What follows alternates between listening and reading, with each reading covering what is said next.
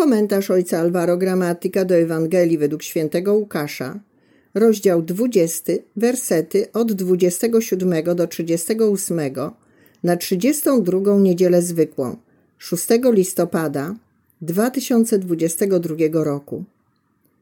Wówczas podeszło do niego kilku saduceuszów, którzy twierdzą, że nie ma zmartwychwstania i zagadnęli go w ten sposób. Nauczycielu, Mojżesz tak nam przepisał. Jeśli umrze czyjś brat, który miał żonę, a był bezdzietny, niech jego brat weźmie wdowę i niech wzbudzi potomstwo swemu bratu. Otóż było siedmiu braci. Pierwszy wziął żonę i umarł bezdzietnie. Wziął ją drugi, a potem trzeci. I tak wszyscy pomarli, nie zostawiwszy dzieci. W końcu umarła ta kobieta. Przy zmartwychwstaniu więc, którego z nich będzie żoną? Wszyscy siedmiu bowiem mieli ją za żonę. Jezus im odpowiedział: Dzieci tego świata żenią się i za mąż wychodzą, lecz ci, którzy uznani zostaną za godnych udziału w świecie przyszłym i w powstaniu z martwych, ani się żenić nie będą, ani za mąż wychodzić. Już bowiem umrzeć nie mogą, gdyż są równi aniołom i są dziećmi bożymi, będąc uczestnikami zmartwychwstania. A że umarli zmartwychwstają, to i Mojżesz zaznaczył tam, gdzie jest mowa o krzaku. Gdy Pana nazywa Bogiem Abrahama, Bogiem Izaaka i Bogiem Jakuba. Bóg nie jest Bogiem umarłych, lecz żywych. Wszyscy bowiem dla Niego żyją. Tym, co rzuca się w oczy w Ewangelii, jest pytanie Saduceuszy. Jest to podchwytliwe pytanie, ponieważ nie wierzą w zmartwychwstanie. To też pytanie, kto poślubi wdowę po siedmiu mężach przy zmartwychwstaniu, jest w gruncie rzeczy bezsensowne. Oto pierwsze przesłanie. Przystępujemy do Boga nie po to, by pytać o przyszłość, lecz po to, by powierzyć Mu naszą przyszłość.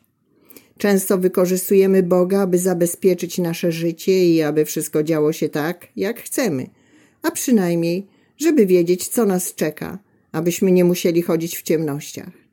Przeciwnie, prawdziwa relacja z Bogiem urzeczywistnia się poprzez wiarę. Wiara jest zaufaniem do Niego. Zaufanie nie oznacza, że chcę wiedzieć, lecz chcę być w komunii, a zatem oznacza posłuszne, wdzięczne i ufne oddanie się w ręce Boga. Bez tej ufności nie podobamy się Bogu, to znaczy, że nie doświadczamy Jego kochającej ręki. Miłość bowiem wymaga zaufania, to znaczy poczucia, że jesteśmy zawsze i pomimo wszystko kochani i akceptowani. I Jezus odpowiada po tej linii. Przyszłość jest inna od tego, co wyobrażają sobie saduceusze. Przy zmartwychwstaniu będziemy jak aniołowie, będziemy jak dzieci Boga, dzieci zmartwychwstania. Oto drugie przesłanie. Naszym przeznaczeniem jest być dziećmi zmartwychwstania. Dziecko nie boi się przyszłości ani teraźniejszości, ponieważ wie, że Bóg jest jego ojcem. Zatem żyje jako zmartwychwstały bez lęku.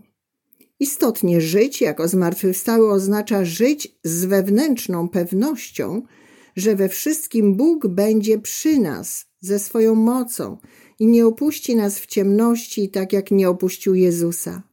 On zawsze będzie u naszego boku, nawet w chwili krzyża. I wreszcie trzecie przesłanie. Bóg jest Bogiem żywych, a nie umarłych.